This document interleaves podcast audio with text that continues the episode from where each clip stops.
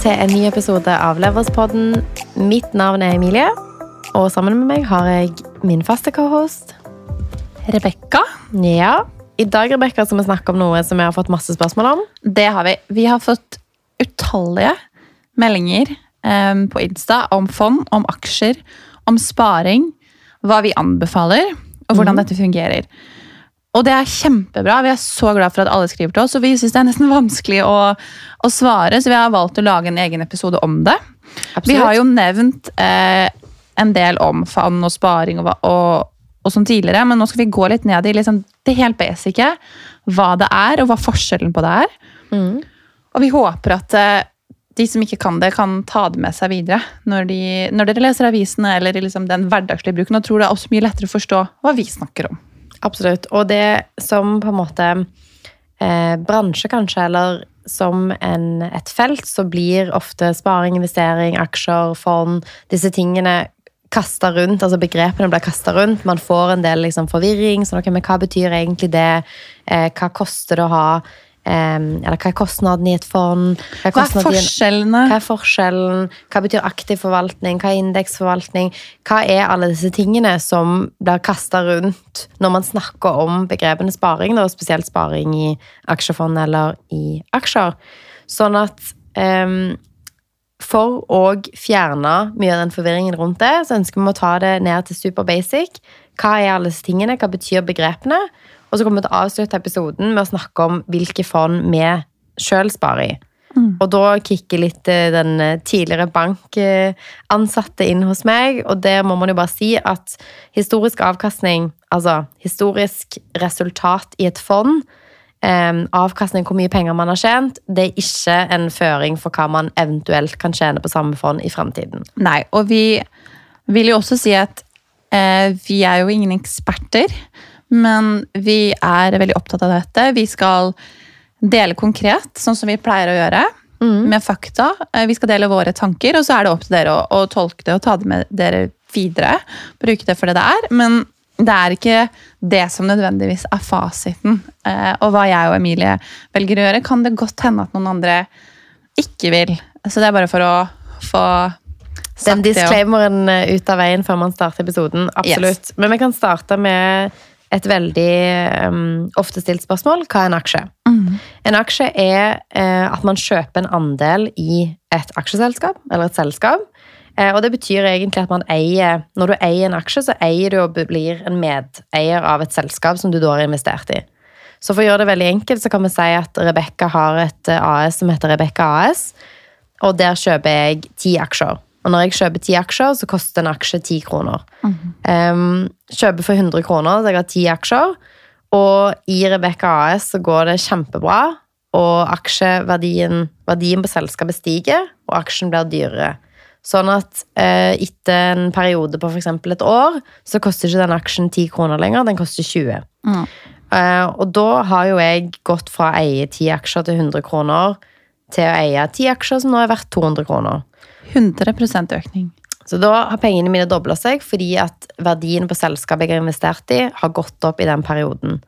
Og da kan man enten si at oi, kjempebra investering, jeg har supertro på Rebekka AS, og jeg tror at denne aksjen kommer til å være verdt eh, 400 kroner eh, om, om fem år. Så denne her skal jeg holde på, og skal jeg prøve å kjøpe mer, fordi jeg tror at dette selskapet kommer til å skape ytterligere verdi, og det kommer til å gå opp fremtidig. Det er det jo mange gjør som investerer i enkelte aksjer. Ja, Så det du sier nå er at du har kjøpt enkeltaksje, eller aksjer, i ett ene og alene selskap. Det stemmer. Og det er jo det som er forskjell fra å kjøpe en aksje og kjøpe fond. Mm. Når man kjøper fond, så kjøper man eh, flere aksjer. Det man gjør, er at man eh, forvalter pengene sine i et, eh, ofte et investeringsfond.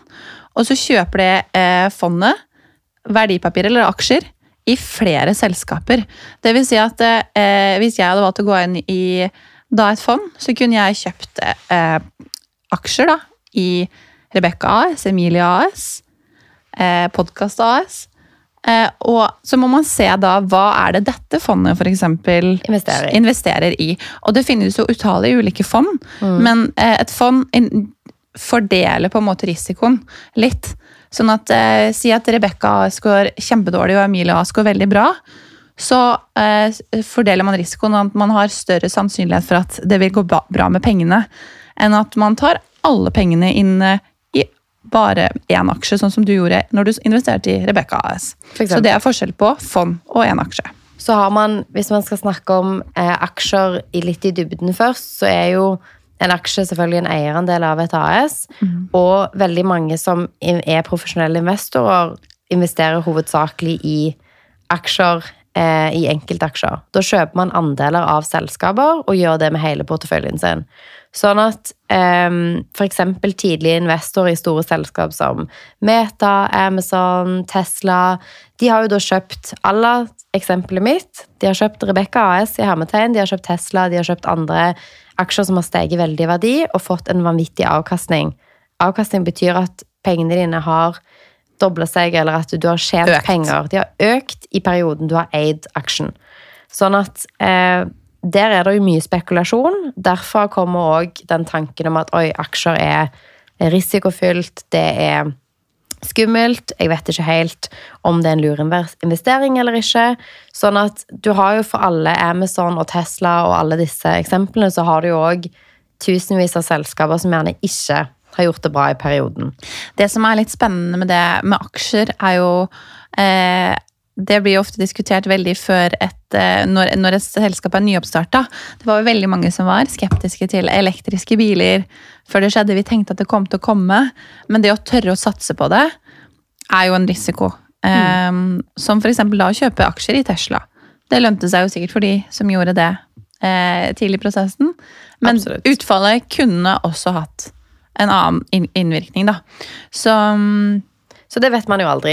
Eh, og det som på en måte kanskje skaper den usikkerheten og redselen for aksjemarkedet, er jo at når man kjøper en enkeltaksje, og spesielt hvis man går inn med en stor andel av de pengene man har, så krever det jo at man gjør en, altså, en vurdering, at man gjør research. Eh, for eksempel Håvard, da, kjæresten min, gjør mye mer research på enkeltaksjer enn det jeg gjør. Jeg kjøper i mye større grad fond enn jeg kjøper enkeltaksjer. Sånn at han går mye mer inn, han leser kvartalsrapporter, han hører på podcaster som er veldig bransjespesifikke, om det er mot shipping, om det er mot eh, lakseindustrien om det, altså, Han går virkelig inn i grøten, lærer seg om enkeltselskaper og investerer deler av hans portefølje inn i enkeltaksjer. Sånn at det krever kanskje litt mer av den som investerer, når du skal investere i enkeltaksjer kontra fond. Sånn at eh, man kan jo gjøre det kjempesafe og si at ok, jeg velger meg ut noen store verdiaksjer eller aksjer som er store norske selskaper. Historisk kan det f.eks. ha vært eh, Equinor eller ting som på DNB eller aksjer man har planer om å, å eie lenge, mm. og som ikke nødvendigvis er sånn at man trenger å liksom skikkelig gå ned i grøten og være sånn ok, hva er det de holder på med, det er et oppstartsselskap, eh, her er det mye utvikling. Altså at mer store, etablerte selskaper. Ja. Um, så personer og, eller investorer som velger store deler av porteføljen sin, som investerer det i enkeltaksjer, er eh, Det er mer risiko knytta til det, og man er nødt til å gjøre mer research som investor for å på en måte gjøre det bra.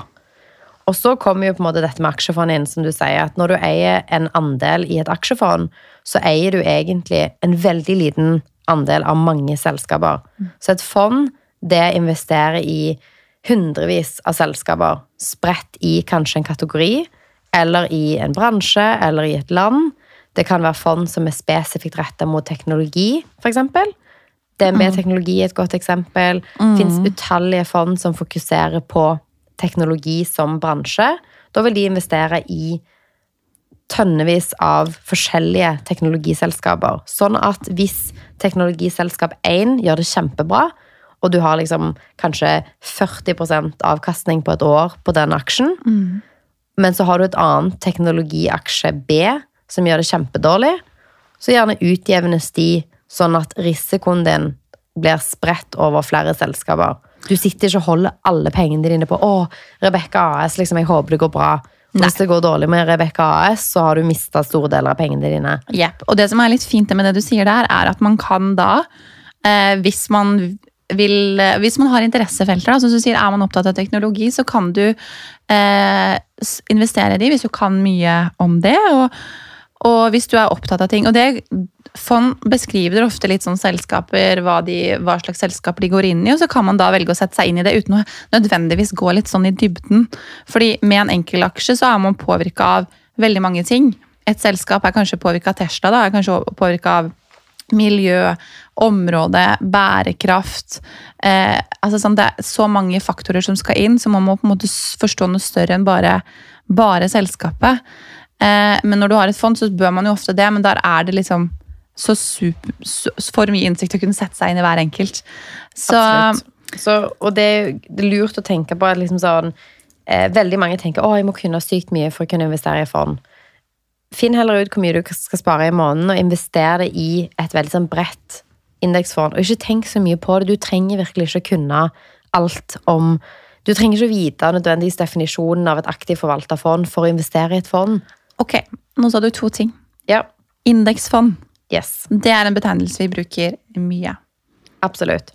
Sånn at Et indeksfond er jo veldig bra for de investorene som ønsker å ha et fond som eh, har lave kostnader, at du rett og slett har eh, mindre knytta til Kanskje vi skal begynne med et aktivt forvalta fond heller, for da kan jeg referere til det når jeg forklarer indeksfond. Gjør det. Et aktivt forvalta fond har en designert forvalter. Altså en person som er ansvarlig for investeringene i det fondet. Som faktisk kjøper fond. Som kjøper andeler av selskaper ja. som da det fondet består av. Mm. Så hvis du har et DNB Teknologi som investerer i 100 selskaper, så er det den personen som sitter på toppen og velger hva fondet skal investere i, rett og slett.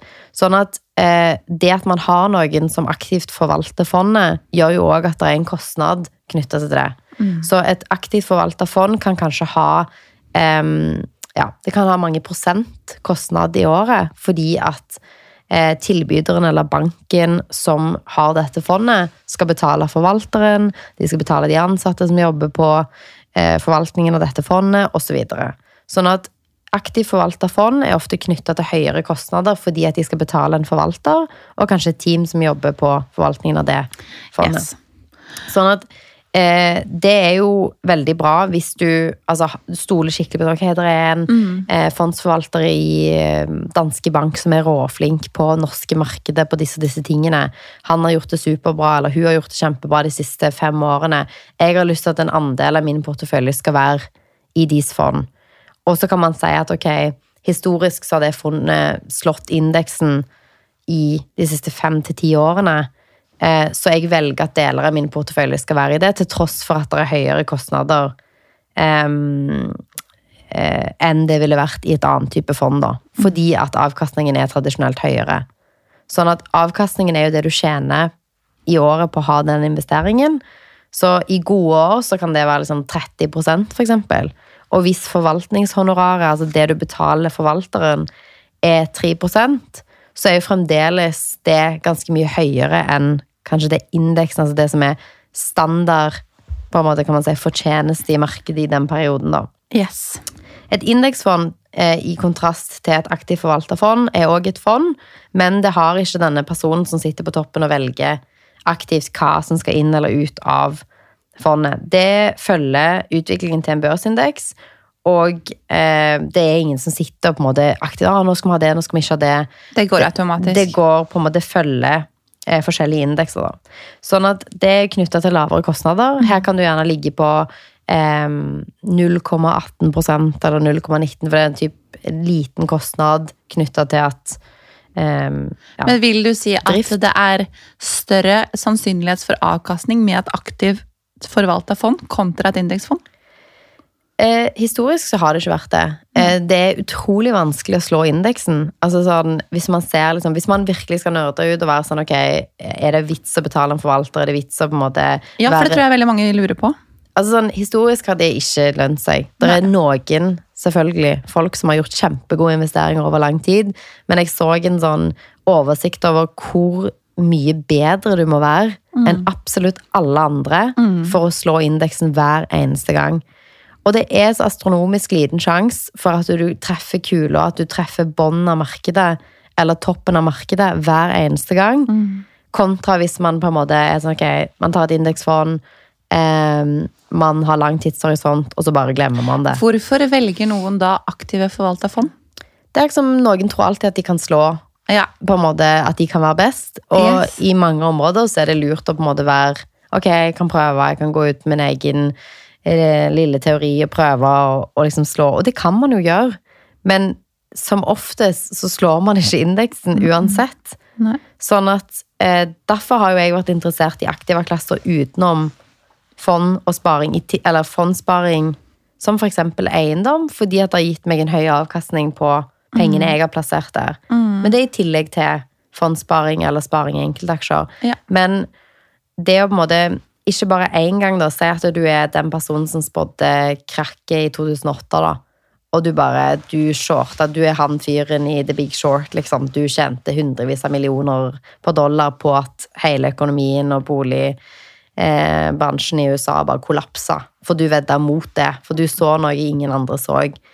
Oddsen for at du gjør det igjen og igjen og igjen over tid, er så astronomisk liten. Og du har jo folk i Norge som er helt råe, som har truffet igjen og igjen og igjen, og som har blitt kjempestore investorer på enkeltinvesteringer, og som har tima markedet kjempebra. Men eh, det at du skal gjøre det over tid hele livet, da, og Stress Vi har akkurat snakket om hvor mye det krever. da. En, Ja. Du må være dritsmart, du må følge med hele tiden, du må ha tilgang på masse informasjon, du må lese kvartalsrapporter, du må være inne i alle disse bransjene, du må klare å forutse ting. Og det er litt som å spille russisk rulett. Det kan gå, og så kan det ikke gå, på en måte. Ja, Du kan være kjempeheldig, og du kan time det dødsbra. Og neste Ja. gang du skal time markedet igjen, så bommer du skikkelig. Ja. Og så mister du kanskje deler av den gevinsten. Det syns jeg er veldig kult med å se på studier av hvem er best langsiktige investorer. Fordi veldig mange I Norge så har man jo den Hun investerer-kampanjen, som har belyst det at veldig mange eh, av de som eier aksjefond i Norge, er menn.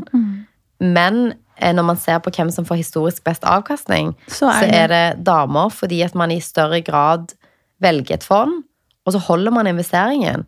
Man har kanskje en fondsavtale i 20 år, og hvis du ser tilbake historisk på aksjemarkedet de siste ti årene, fem årene, 20 årene De som hele tiden har prøvd å slå markedet på disse små justeringene opp og ned i markedet Altså Hvis du zoomer inn og ser på perioden 2010 til 2012, så er det jo svingninger hver dag opp og ned. Yes. Men hvis du ser på hele kurven fra 2000 til 2022, så er det jo en vanvittig stigning oppover. De som hver eneste gang har vært sånn 'Å nei, jeg skal bare selge i dag få kjøpe i morgen', de kan ha vært kjempeheldige den ene dagen og superuheldige uka etterpå. Mens de som har holdt investeringen sin hele tiden og fortsatt og spart på en månedlig basis, har jo slått disse eh, folkene som prøver å time markedet med sikkert dobbelt, eller kanskje mer enn dobbelt, avkastning, fordi at de har ikke tapt underveis. da. Ja. De har liksom fortsatt å investere hele tiden. Ja, Så det er et veldig godt tips. veldig. Og på en måte liksom ikke tro at du kan time markedet. Finn et beløp som du kan spare i måneden. Om det er 500 kroner, om det er 1000 kroner om Jeg det tror det minste man kan spare i bank nå, er 200, eller er det 100 kroner blitt nå? Jeg er litt usikker på hva det minste Men det er beløpet et sted mellom 100 og 200 kroner, som er det laveste beløpet du kan investere i fond med. Og du kan jo velge å gå inn med en spareavtale hvor du blir trukket hver måned, eller om du overfører eller investerer når du har råd. Eh, og da kan vi jo snakke litt om det hvor man kjøper fond eller aksjer. Ja. Eh, jeg kjøper mine fond og aksjer i nettbanken til banken. Eh, akkurat bytta bank, og det er like lett å kjøpe i bank A som i bank B. Og hvis man går inn i nettbanken sin, så tror jeg det står under sparekonto, så står det eh, et sånt plusstegn, så står det kjøpe eh, fond, eller um, aksje, aksjesparekonto. Der kan du rett og slett gå inn, og akkurat som du fører penger til en konto, så kan du velge om du vil overføre en betaling til, til, en, til et fond. Og da vil banken gi deg oversikt over hva som er mulig. Og du kan også søke opp hvis du vet om noen. Så jeg vil si at den aller beste måten å kjøpe fond eller indeksaksjer er Indeksaksjer, det mente jeg ikke. Eh, Indeksfond? indeksfond er i eh, banken din. Det er superlett, og man kan gjøre det fra mobilen. Eh, jeg hadde et tilfelle nå i sommer hvor en gammel kollega av meg aldri har kjøpt fond før. Mm. Vi også ringte deg, Emilie, Yeah. hvor jeg gikk inn i nettbanken hans, forklarte step for step hvordan du skulle kjøpe en aksje, eller hvordan du investerte i fond. Mm. Og vi gjorde det. Kun å være på telefon, og det tok oss mindre enn ti minutter. Yep. Og vi kan godt eh, legge opp en video eh, på Instagram hvor vi viser hvordan man rett og slett går inn og kjøper et eh, fond, eller investerer i fond. Absolutt. Nå sa du faktisk et ord i den som jeg har lyst til å si at vi skal definere òg. Det var aksjesparekonto. Aksjesparekonto, ja. Fordi det er jo et produkt som fins for alle. Yes. Og det er en konto hvor du kan handle eh, aksjefond yes. og enkeltaksjer. Eh, og hvor man eh, i perioden du eier det, så er det skattefritt. Det øyeblikket du, Så du kan kjøpe og selge internt i din aksjesparekonto uten at du realiserer skatt. Men du får skatt når du selger deg på en måte Når du innløser helt. Så hvis jeg har tjent 10 000. 10 000 kroner på de aksjene som jeg eide i Rebekka AS, og nå tenker jeg så, nå vil jeg ut. Nå tar jeg de 10 000, og så skal jeg bruke det på en ferie. Eh, da må jeg betale skatt på de pengene. Men hvis jeg sier ok, nå har jeg solgt for 10 000 kroner i Rebekka AS, jeg vil gjerne ha Jeg vil investere eh, i, eh, i Podcast AS med de 10 000, og det òg er inne i aksjesparekontoen. Da realiserer ikke jeg skatt før jeg tar de helt ut. Og det er en veldig sånn fin måte å kjøpe og selge aksjer på, og eh, aksjefond, fordi at du holder alt inne i en konto, og du, du slipper den skatteproblematikken. da. Så det er jo bare en kjapp forklaring på det, og det fins i alle banker. Sånn at eh, ta oss og gå inn og sjekk hva din bank eh, har der. Det er enkelt å opprette og enkelt å handle i. Yes. Vi har jo ulike banker, eh, og det er like lett i din bank som i min bank. Så sjekk i banken deres. Hvis dere gjør det, hvis dere er mye i nettbanken eller på mobilbanken, så er det fullt mulig å gjøre det der. Det finnes også andre plattformer hvor man kan kjøpe aksjer, men jeg vil jo absolutt si at det som er mest lavterskel, det som er lettest, er i banken. Eh, man kan også bruke sider som Nordnett og sånne ting som investerer i aksjer, men det koster jo ofte, eh, og det trenger man ikke å gjøre. Da bør man kanskje sette seg litt mer inn i det. Så prøv i banken først om du ikke har gjort dette før. Jeg skal si en ting om Nordnett. Jeg har jo deler av min fondssparing og enkeltaksjeinvestering i Nordnett. Og det er fordi at selv om bankene har eh, godt eh, utvalg, så er det ikke nødvendigvis alt av fond som de tilbyr alle plattformer. Si at du har f.eks. DNB, og du vil ha et Handelsbanken-fond. Så kan det godt være at DNB har noen av fondene til Handelsbanken, men de har gjerne ikke alle. Eller at du skal ha et Danske Bank-fond, og du er kunde i Handelsbanken, men du har kanskje bare to av Danske Bank sine 50 fond, og du vil ha et av de de ikke har tilgjengelig. Da er Nordnett en bra plattform, fordi at de har godt utvalg av eh, forskjellige både enkeltaksjer og eh, forskjellige fond, som gjerne ikke din bank nødvendigvis tilbyr. Absolutt. Så når du begynner å komme litt inn i det og vet litt hva du vil ha, så er det kanskje lurt å sikte seg inn på Nordnett. da. Ja. Men hvis man er helt sånn i startfasen vil bare prøve litt, holder det helt fint med din egen bank. Absolutt. Og veldig godt poeng det at du kan begynne på så lite som et sted mellom 100 og 200 kroner. Fordi det bringer meg jo til neste. Du nevnte spareavtale. Hva er en spareavtale, Rebekka? En spareavtale er et, eh, en avtale du setter opp i banken din, hvor du gjør et månedlig trekk. Eh, i, min, I mitt tilfelle så er det månedlig. Hvor du trekker fra kontoen din, da direkte inn i et fond. Eh, det som lønner seg da, er jo å lage en spareavtale, kanskje den dagen du får lønning. Det er Eh, slik at det blir trukket samme dag som du får lønning, og at de pengene egentlig nesten aldri eksisterer i din brukskonto eller sparekonto der lønn kommer. Mm. så med en spareavtale så vil du sette opp automatiske trekk. da. Og er det 200 kroner som du har råd til, eller om det er 2000 kroner, så vil du på en måte aldri se det, og det vil gå av seg selv. Det vil si at du basically kan investere i fond hver eneste måned uten å gjøre noen ting. Så da sparer du deg for den aktive jobben om å gå og føre penger. Eh, Så det kan jeg jo virkelig anbefale. Da sparer du og investerer uten å egentlig måtte løfte en finger mer enn én gang når du oppretter avtalen. Og det er veldig lett. Det tar også fem minutter.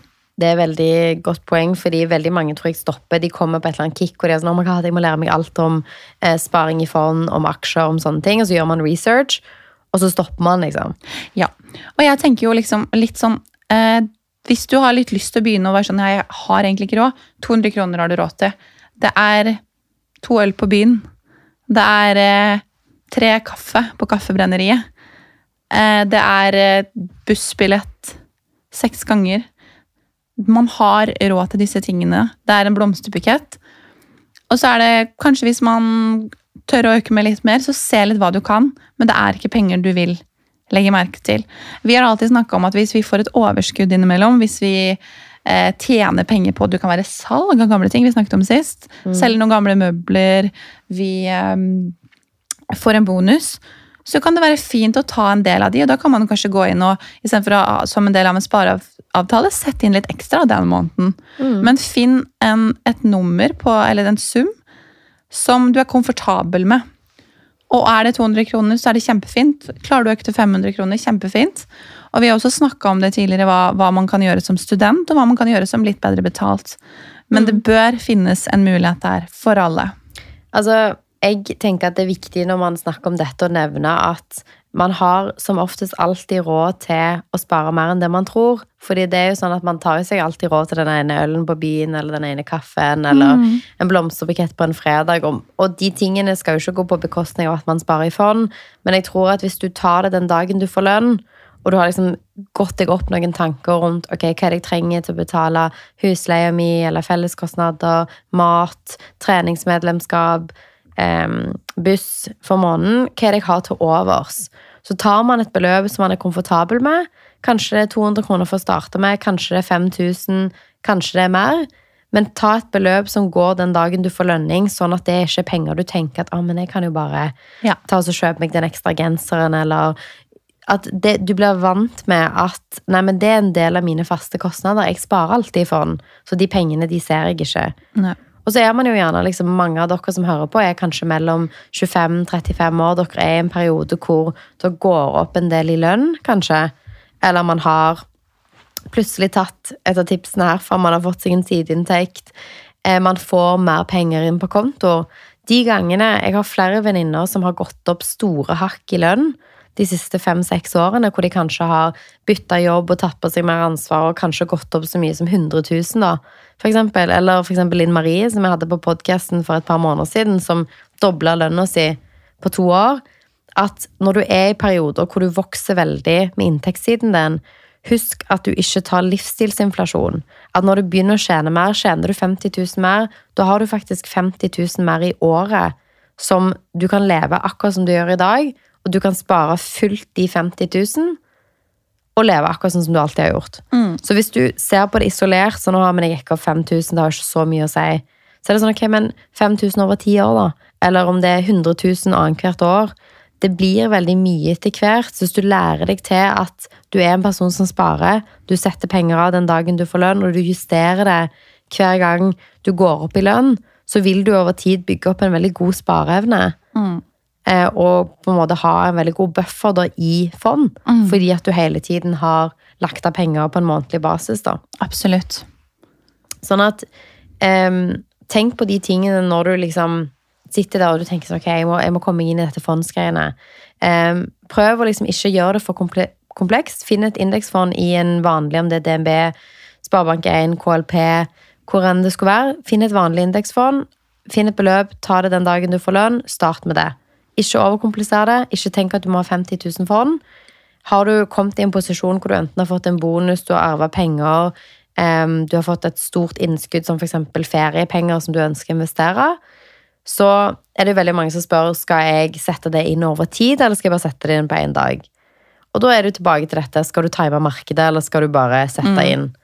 Hvis du hadde gjort det da historisk, gå tilbake en ti år og sagt sånn, ok, jeg skal vente, jeg skal sette dette inn over tid, jeg skal bruke seks måneder på å sette inn disse 100 000 som jeg fikk i bonus, yes. så hadde du jo fått mer for de pengene hvis du satte inn alle bare på dag én. Fordi mm. markedet historisk har gått opp i den perioden. Mm. Ja, det er sikkert dager Kanskje den ene dagen for ti år siden var bedre enn to dager etterpå, og så gikk det opp igjen. Altså, sånn, det vil hele tiden være de justeringene, men du har ingen sjanse for å finne ut når det er. Nei. Så jeg har alltid bare, hvis jeg har satt ut penger fra et boligsalg, f.eks., så har jeg satt det inn i store summer. Ja. For jeg har tenkt sånn, jeg, jeg kan ikke time markedet, liksom. Nei. Jeg har ikke sjans. Nei. Vi har snakka om fond, vi snakka om aksje, vi snakka om aksjesparekonto, spareavtale, indeksfond. Vi har kartlagt veldig mye av det basice og de mm, tingene som du trenger å vite for å komme i gang. Ja, og til å avslutte med, da, så skal vi si hva vi gjør. Mm. Og dette er jo viktig å si at dette er jo ingen anbefaling fra vår side, men vi får veldig mye spørsmål om hva vi personlig sparer i, og hva vi investerer i. Sånn at her er på en måte en liksom intro til hva vi gjør. Mm. Eh, vi følger jo våre egne råd. Vi sparer jo den dagen vi får lønn. Mm. Og det gjør jo at når vi får lønn på konto, eller om vi får noen andre inntekter, så går disse spareavtalene med en gang. Det gjør det. Jeg tror jeg har faktisk flere spareavtaler i litt ulike fond. Eller jeg har det. Mm. Det jeg også har, at jeg har, truk, jeg har trekk den dagen jeg får lønn. Men jeg har også satt et trekk litt senere, som gjør at mine fritidspenger også kan gå litt inn i fond hvis jeg ønsker det. Så jeg har liksom et fast trekk, og så har jeg liksom et trekk som jeg tar litt senere. Og det går som regel. Jeg har satt eh, alt i spareavtaler, så det blir trukket automatisk. Når penger kommer inn på konto, trenger ikke å gjøre noen ting. Men jeg velger også å sette inn ekstra de gangene jeg har mulighet til det. Ja, Så du sparer kontinuerlig over hele året med et fast beløp hver måned i forskjellige typer fond. Ja. Og så tar du eventuelle enkelt eh, Enkelt eh, kjøp da på fond hvis du har mer penger en periode. Ja, og jeg bruker hovedsakelig banken, for jeg synes det er enkelt. Jeg tar ikke så mye tid. Jeg har noen penger på Nord Nordnett, men uh, for min del så er det mest eh, tidseffektivt å ha det i banken.